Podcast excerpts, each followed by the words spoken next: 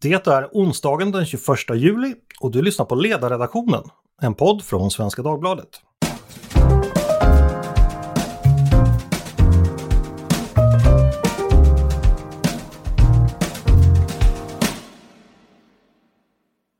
De senaste åren har rapporteringen från Hongkong blivit mer dramatisk när det gäller skildringar om hur demokratin kringskurits, proteströrelsen har slagits ner, nya lagar har införts och stadens invånare har mer och mer kommit att tvingas till anpassning till den kinesiska diktaturen.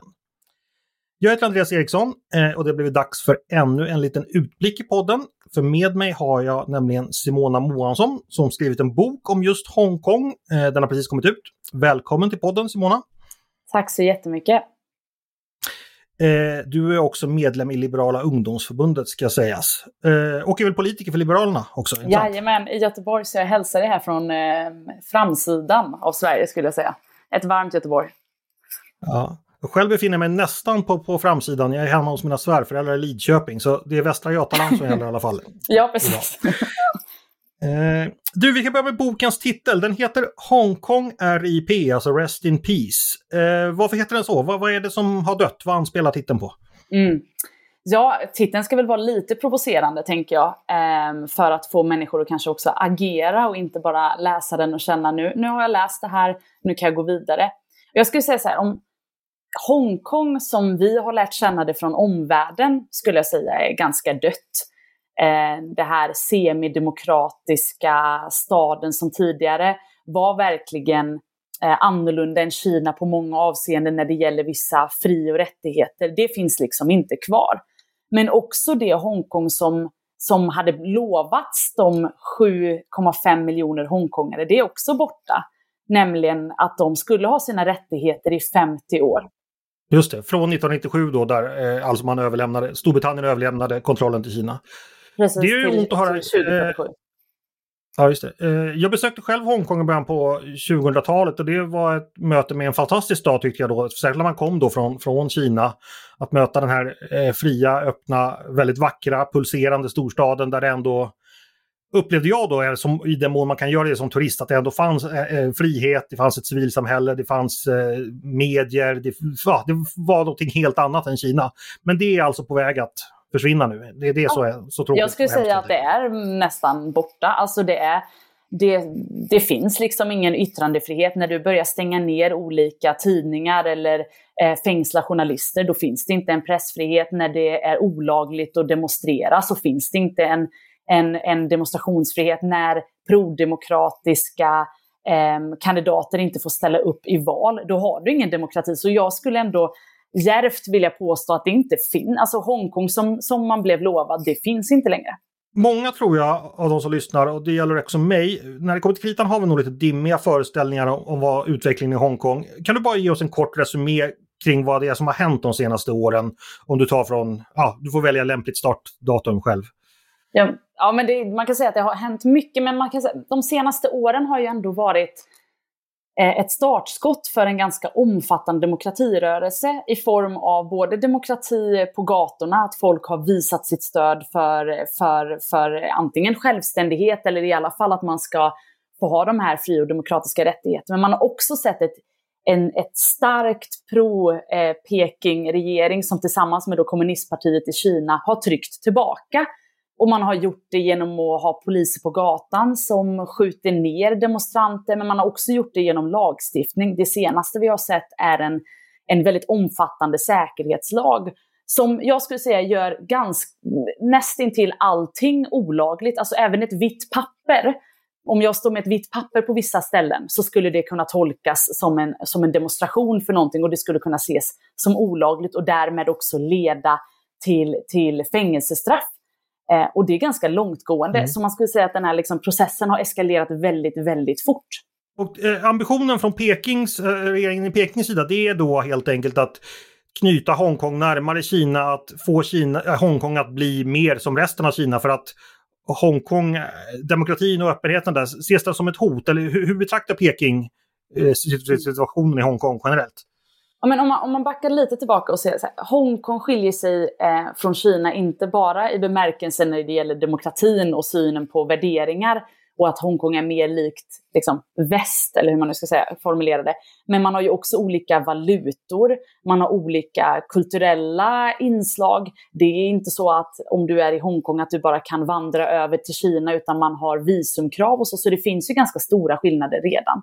Men ja, man kan säga så här, för, för kommunistpartiet i Kina och för framförallt eh, president eh, Xi Jinping så har ju liksom verkligen Hongkong varit skitjobbigt. Det är jobbigt med folk som, som demonstrerar. Det är jobbigt att de inte rättar sig in i ledet och en del av den väldigt grandiosa planen som kommunistpartiet har eh, att verkligen bygga sig en stormakt igen. Och då är det inte bara i bemärkelsen att vara stor ekonomisk utan även stor i form av geografi. Och då har, då har, då har man velat ha kvar det som är det kapitalistiska Hongkong, men man vill inte ha kvar de andra delarna som hänger ihop. Liksom. Man vill ha pengarna, men man vill inte ha värderingarna.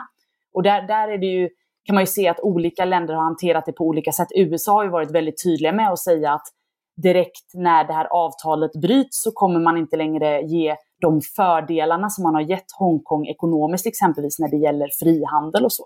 Hongkong har vi haft viss betydelse för eh, den kinesiska ekonomin eh, eftersom det lite, eh, har varit en port mot, mot omvärlden väldigt länge. Och så har det spelat roll för, för investeringar och kapital. Intressant, visst har det varit så?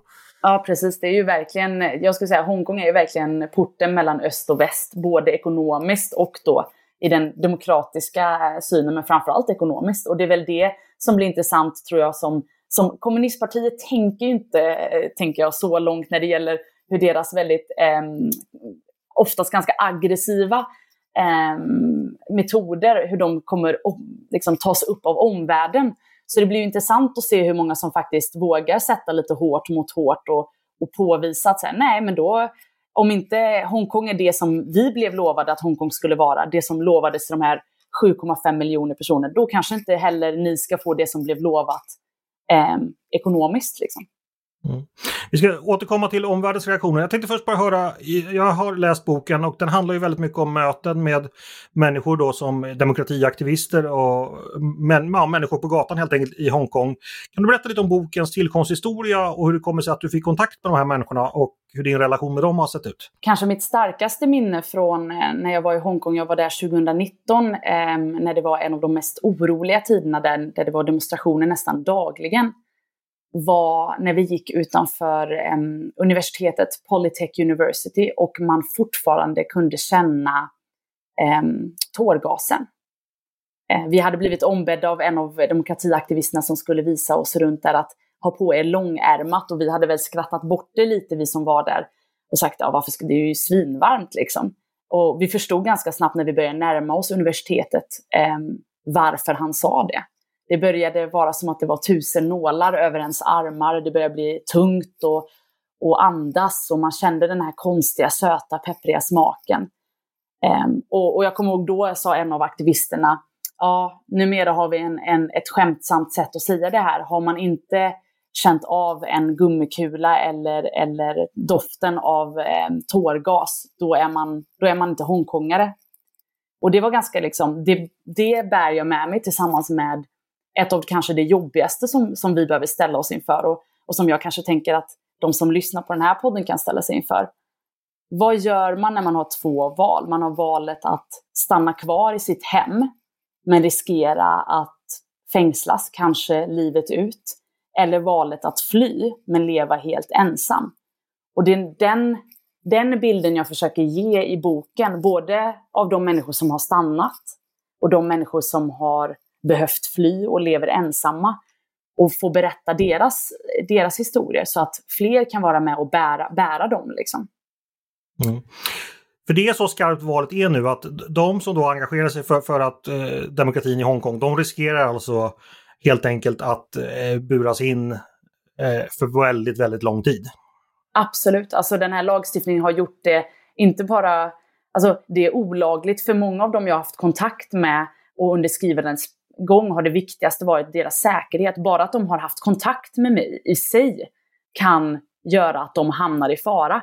För att det i den här nya säkerhetslagen så, finns det, så får man liksom inte ha kontakt med, med utomstående som kan riskera då den nationella säkerheten. Som, som sagt, en väldigt vag eh, lag som kan göra nästintill allt olagligt.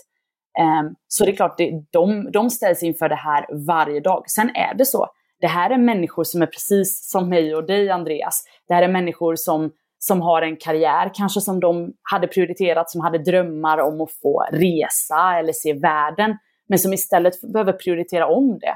Vi har aktivister som har valt att använda pengar de tänkte använda för att, för att resa världen, för att istället lägga in det i, i, i demokratirörelsen så att man kan köpa gasmasker och, och, vatten. Vi har människor som jobbar på dagen i ett av de mest liksom, högpulserande businessområden för att sen på kvällen byta om och vara en av dem som ställer upp barrikader mot polisen under demonstrationer. Så det är, de i många avseenden är det ju människor som precis som mig och dig, men som, som är under det här konstanta förtrycket, som känner hur den här boxen de är i, det här fängelset de lever i, bara luften blir liksom mindre och mindre. Mm. Kan du berätta lite just demokratirörelsen i Hongkong? Eh, du beskriver ju att den är, den är ganska bred. Kan du berätta lite om eh, vad den består av? Vad har man för mål? Vad har man för taktik? Hur, hur arbetar man? Eh, ge oss lite mer information om det. Mm. Det skiljer sig avsevärt ifrån, skulle jag säga, svenska, både politiska, men, både partipolitiska men också rörelser. Man har varit väldigt tydlig med att man inte ska ha ledargestalter i form av att det är en, en person eller en styrelse någonstans i toppen av, av en organisation som ska ta beslut, utan besluten tas kollektivt gemensamt. Man använder sig av krypterade appar för att eh, lyfta idéer man har på vad man vill göra eller vart man vill demonstrera och så kan människor hjälpas åt då för att eh, antingen hålla med eller förbättra någons idé. Det gör också att den här rörelsen är unik i, i form att du kan inte ta bort eh, liksom, topppersonerna och sen så är rörelsen död, utan man visar att man är någonting större än bara några få. Det gör också att den här rörelsen blir bredare i bemärkelsen att det inte finns en viss klass eller eh, vissa människor som deltar, utan man kan se allt ifrån eh, arbetare eh, in, inom liksom, eh, offentlig förvaltning till studenter, till professorer, till unga som gamla. Eh, alla hjälps åt och det skulle jag säga är ganska unikt för demokratiska rörelser och någonting man har sett exempelvis i Belarus man har tagit efter nu. Ehm, så jag tror att vi kommer se det också oftare framöver, att man inser att, att man inte behöver koncentrera makt eller liksom eh, man behöver bredda en rörelse för att den också ska kunna överleva. Man brukar ju säga i, i den rörelse be water, alltså var som vatten, och man hela tiden ska försöka forma om sig och det gör man ju bara om, man, om det inte är en person som bestämmer eller en person allt hänger på. Just det. Eh, du nämnde tidigare årtalet eh, 2047. Då har det gått 50 år sedan överlämnandet och det var ju så länge då avtalet om det här med eh, ett land, två system skulle hålla. Vad betyder det årtalet idag och kommer det ske, eller så här, betyder det så mycket? Vad skulle du säga? Jag skulle säga att det fortfarande betyder mycket, eh, även om, om jag är osäker på hur mycket kommer finnas kvar av Hongkong till 2047. Men, men varje år som det här datumet, första juli, eh, brukar ju vara demonstrationstid. Det har ju blivit eh, eh, ännu svårare för människor att demonstrera och det kommer fortsätta vara så det kommer fortfarande vara avgörande. Kanske mer för hur omvärlden agerar 2047 än för faktiskt Hongkongare. För det har blivit en del av deras vardag, att vara ute och riskera sitt liv. Ehm, så jag tror 2047, det är svårt att liksom se in i framtiden, men det är klart att det kommer fortfarande spela roll. Jag tänker, vi är ju nästan halvvägs då mellan 1997 och 2047. Mm. Och 1997, jag minns ju väl stämningen då på 90-talet när ändå eh, det kalla kriget hade ganska nyligen tagit slut. Det såg ut som världen gick mot ökad demokratisering. 2047 kändes så enormt långt in i framtiden. Då tänkte man sig kanske att även Kina skulle tagit det steget som, mm. ja, som länderna i Östeuropa tog. Riktigt så har det inte blivit utan Kina har ju visserligen utvecklats men inte i den demokratiska utvecklingen. Eh, hur tänker du på det, det tidsperspektivet mellan då och nu och fram till 2047? Mm. Finns det någonting att säga om det? Nej, men det, jag tror att det, det handlar lite om den här naiviteten som man kanske har haft kring att de här eh, värden som handlar om demokrati och mänskliga rättigheter skulle hänga med no som någonting osynligt med de här varor. Alltså vi trodde ju att verkligen att handel skulle vara vägen ut.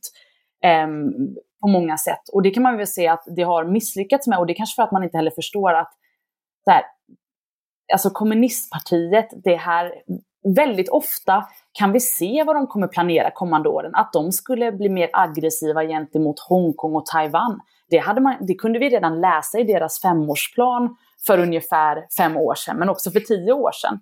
Eh, alltså kommunistpartiet har visat gång på gång att de inte är intresserade av mänskliga rättigheter. Och det gör det ännu mer intressant också att, att poängtera att Sverige var ett av de första eh, länderna i Europa som erkände Folkrepubliken och som har varit extremt beroende av just den här handeln och den här goda relationen. Och då blir ju, det är därför jag återkommer och säger att det intressanta till 2047 är ju hur våran relation blir gentemot eh, Folkrepubliken Kina snarare än, än relationen mellan Kina och Hongkong. Jag, så här, jag brukar beskriva att Hongkong är egentligen bara ett fönster in i vad, vad Kina vill. Vi ser, det kanske inte går att rädda Hongkong just nu, men Taiwan. Vi har eh, det folkmord som pågår i, i Xinjiang. Vi har Tibet. Alltså, det här kan ju vara en lite så här spark i baken att kanske engageras, börja engagera sig redan nu i frågor där vi ser att, de, att Kina har börjat börja intressera sig eller börja använda de här hårdhandskarna. Mm. Om vi går över då till omvärldens reaktioner, om vi då tar eh, främst Hongkong då, men givetvis även andra överträdelser som den kinesiska regimen har gjort. Vad har omvärlden gjort hittills? Vad har man gjort bra och vad är det man har gjort mindre bra, tänker du? Mm. Mm. Alltså, USA har ju faktiskt i många avseenden varit eh, kört rätt mycket hårt mot hårt-metoden och jag tror faktiskt i, i Kinas fall så är det det. Det funkar inte med en sorts saccosäck-diplomati och tro att vi kan prata Kina in i att gilla mänskliga rättigheter. Det, det funkar inte. Um, och, och, där handlar det också om att vi, eh, vi behöver inse vilk, alltså Kinas maffiafasoner och vakna. Vi måste se vilket beroende vi är i, i västvärlden. Um, både i form av exempelvis, om vi bara kollar, våra universitet fylls av kinesiska studenter, vilket betyder att många studenter drar in pengar, vilket gör att universiteten i längden kan bli min, mer och mer beroende och kanske också strypas i, i, i det grunduppdraget som man oftast ser universitetens eh, roll. Vi kan se kommunpolitiker som väljer att inte bryta vänskapsavtal med kinesiska städer för att det kan bli jobbigt för den lokala industrin. Alltså på många sätt så ser vi hur det här beroendet skapar en förlamning. Ehm, mm. Så det, det, är den delen som är dålig. Och, och, den bra delen är ju när man, när man pratar om det, när man sätter, när man poängterar vad som pågår och kör hårt mot hårt. Eh, det, det, tror jag hur det bästa sättet man funkar, det funkar på. Liksom. Och då, då är det faktiskt också hårt mot hårt i form av att man kanske ska prata om att OS inte ska arrangeras i Kina. Man ska inte ge väldigt eh, högprivilegierade eller liksom saker som, som betyder mycket för oss för en, en diktatur. Som inte bara mm. eh, använder sin makt i sitt närområde utan även faktiskt på oss. Mm. En annan sak som du beskriver i boken eh, lite kring just Pekings agerande mot Hongkong, det är ju då att eh, det finns ju då en, eh, en president i Kina, Xi Jinping, som då har en mycket ambitiös eh, politiker. Oh ja. Att en del kan förstås av hans eh, så att säga, ambition av att eh, bli ihågkommen, att göra någonting stort för Kina. Och att ekonomiskt och utrikespolitiskt har, han, har inte allting gått så jättebra på sista tiden, men, men det skulle få honom mer intresserad av att knyta Hongkong närmare Kina. Kan du utveckla vilken roll han spelar och den typen av, eh, ja, vad, vad betyder det? Mm. Men han är ju en avgörande roll för att han är ju verkligen personifierar den här eh, synen på det nya, liksom stora Kina. Eh, och, och, har en väldigt tydlig plan över att det här ska vara hans eftermäle. Eh, och som, liksom, som jag nämnde lite innan, Hongkong har ju varit jobbigt för honom för det är liksom lite bråkstakar och det har varit väldigt uttalat att, att eh, under hans tid så ska liksom Hongkong integreras med Kina, inte bara i form av, eh, av de här ganska praktiska grejerna, alltså att man ökar inflytandet, man minimerar de prodemokratiska eh, rörelsens inflytande i, i, i exempelvis lagstiftande rådet och så, men också i det här kulturella, man börjar ändra exempelvis eh, man vill att det ska pratas mer av eh, mandarin i skolan istället för kantonesiska som man pratar exempelvis i Hongkong. Man vill ändra läroplanen för att prata mer om kinesisk historia och ta bort vissa delar av, av historien när det, gäller, när det gäller Hongkong. Så det finns ju liksom en stor integrationstanke. Men hans bild sträcker sig ju också väldigt mycket större än Hongkong. Vi ser hur eh, Kina har ehm, haft en helt annan biståndspolitik än, än, än demokratiska länder. Man ser till att stora delar av Afrika blir beroende av, av Kina, där man har höga räntor. Eh, man ser till att man bygger infrastruktur som, eh, som, som gör att de här länderna blir beroende. Så det finns en ganska stor, grandios bild över vad han ska lämna efter. Och den stora frågan kanske som man kan ställa sig, och som jag inte har svar på, är vad händer när Xi Jinping inte längre är president? Kommer det finnas någon som, som har en lika kraftig liksom, maktbas som han har? Eller kommer vi se en stor förändring? Kan det verkligen hänga på en person på det sättet som det har gjort? Eller, eller inte? Det vet jag faktiskt inte, men det är något som jag har funderat över eh, väldigt mycket de senaste månaderna. Mm, ja, det kommer naturligtvis bli eh, minst sagt viktigt för världen. Om vi tänker lite mer specifikt Sverige då. Eh, Sverige har ju inga hangarfartyg och kanske inte betyder så enormt mycket ekonomiskt här i världen. Men, men vad skulle du vilja se för, för svenska åtgärder på området? Men som jag, som jag sa inledningsvis, jag tror att det handlar framförallt om att vi ska vakna upp och inse Kinas maffiafasoner.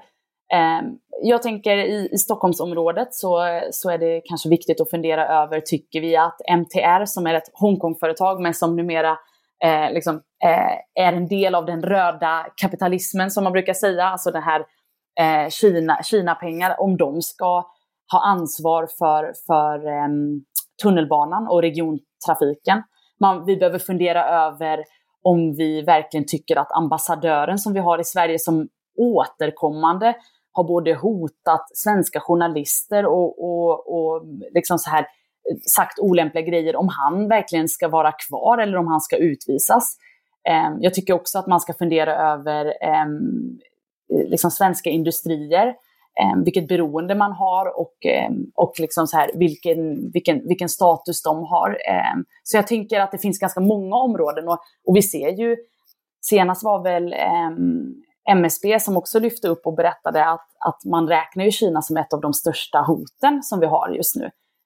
Och många gånger säger vi att det är så här smygande hot, men det är inte så smygande. De gör det rätt öppet. Vi har haft svenska journalister som har blivit hotade öppet av, av vår ambassadör.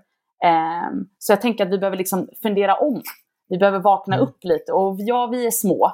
Men jäklar vad det verkar vara jobbigt ändå när vi eh, yttrar oss och säger att de gör dumma grejer. Så.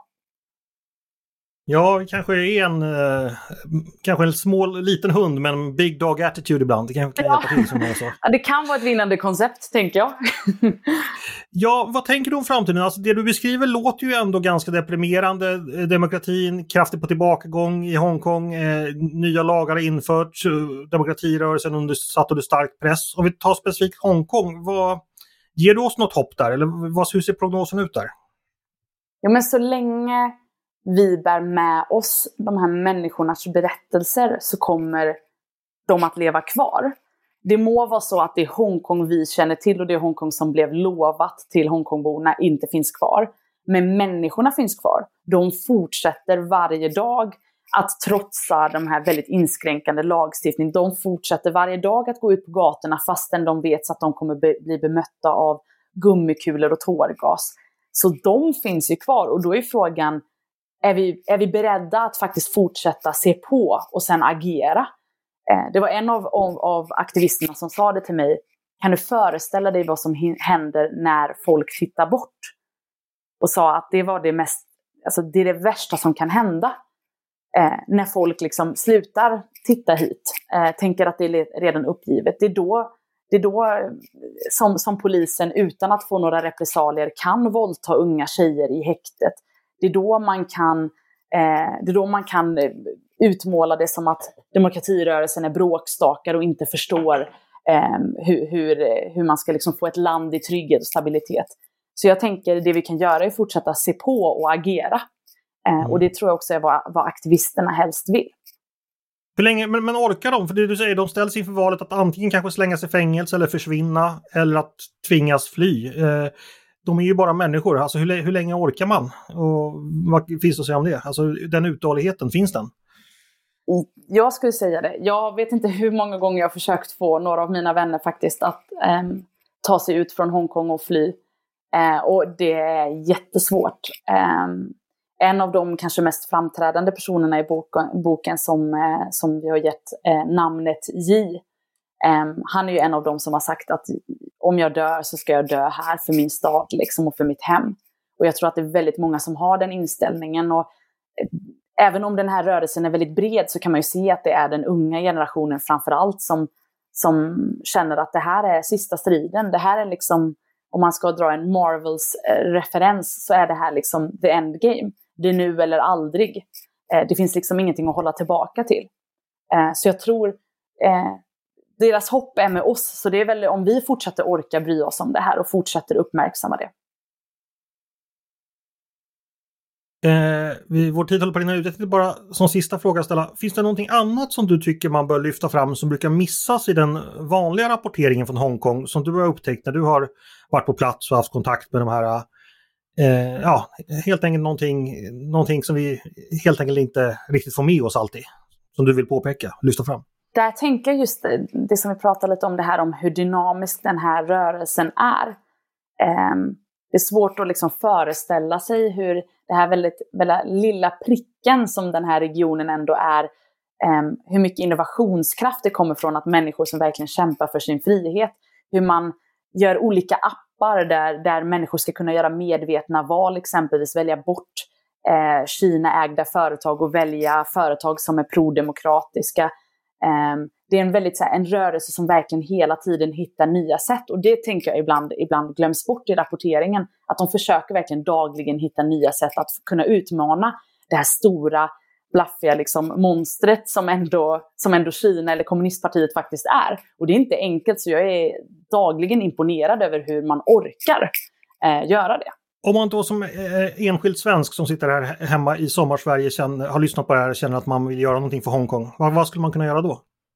Men det finns både, jag skulle säga det ena, första sättet som jag alltid ber alla göra, det är berätta om det här på nästa middag och säg vad fan är det som händer i Hongkong, har du hört om det? Eh, för jag tror att det bara behöver komma in i flera människors tankar, det är det, det första. Sen det andra är, och det här är kanske, där, nu kommer jag vara lite radikal, men jag tror att du som konsument och du som person har ju också en möjlighet att välja bort kanske vissa företag eller produkter eh, som är kopplade till Kina. Jag vet att det är bökigt, det kanske innebär att man behöver förändra sin livsstil. Men också kanske som, som enskild människa kan man ju faktiskt välja, försöka välja bort eh, företag, eh, att jobba eller verka i företag som är direkt kopplade till Kina. Um, för det handlar inte bara om Hongkong, det här handlar om tvångsarbete, det handlar om att förtrycka mänskliga rättigheter även i Kina. Så jag tänker, ja, det är vad vi kan göra. Sen kan man också trycka på sina makthavare eh, tänker jag. Det är väldigt få eh, jag skrev till exempelvis en artikel och frågade vad är egentligen skillnaden mellan Stefan Löfven och Ulf Kristersson eh, när det gäller Kinas strategi. Har vi samma Kina-strategi oavsett vilken regering vi har? Eh, så jag tänker så här, ställ frågor till, till era representanter. Vad är det egentligen de vill när det gäller Kinas, eller Sveriges roll gentemot Kina? Gud, nu kände jag mig väldigt eh, radikal här. Men och vill man veta mer så kan man då förstås läsa din bok som heter då Hongkong RIP. Hur, hur får man tag i den förresten? Går den att beställa på, på nätet? Absolut, alla nätbokhandlar så det är bara att, att skriva in Hongkong Rest in Peace så kommer man eh, att hitta det. Och så får man jättegärna höra av sig och eh, ställa mer frågor eller komma med kommentarer och egna tankar.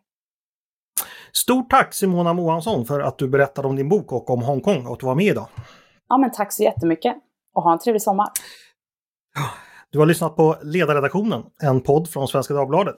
Eh, hör gärna, ja, precis som Simona sa, kan ni gärna höra av er till redaktionen eh, med tankar och synpunkter på det vi har diskuterat. Kan jag vidarebefordra det till Simona ifall det skulle vara så. Eh, eller också om ni har allmänna idéer och förslag på saker vi ska ta upp i framtiden. Då är det bara att mejla till ledarsidan snabel svd.se. Med det tackar vi för idag. Dagens producent har varit Jesper Sandström. Själv heter jag Andreas Eriksson och jag hoppas att vi hörs igen snart.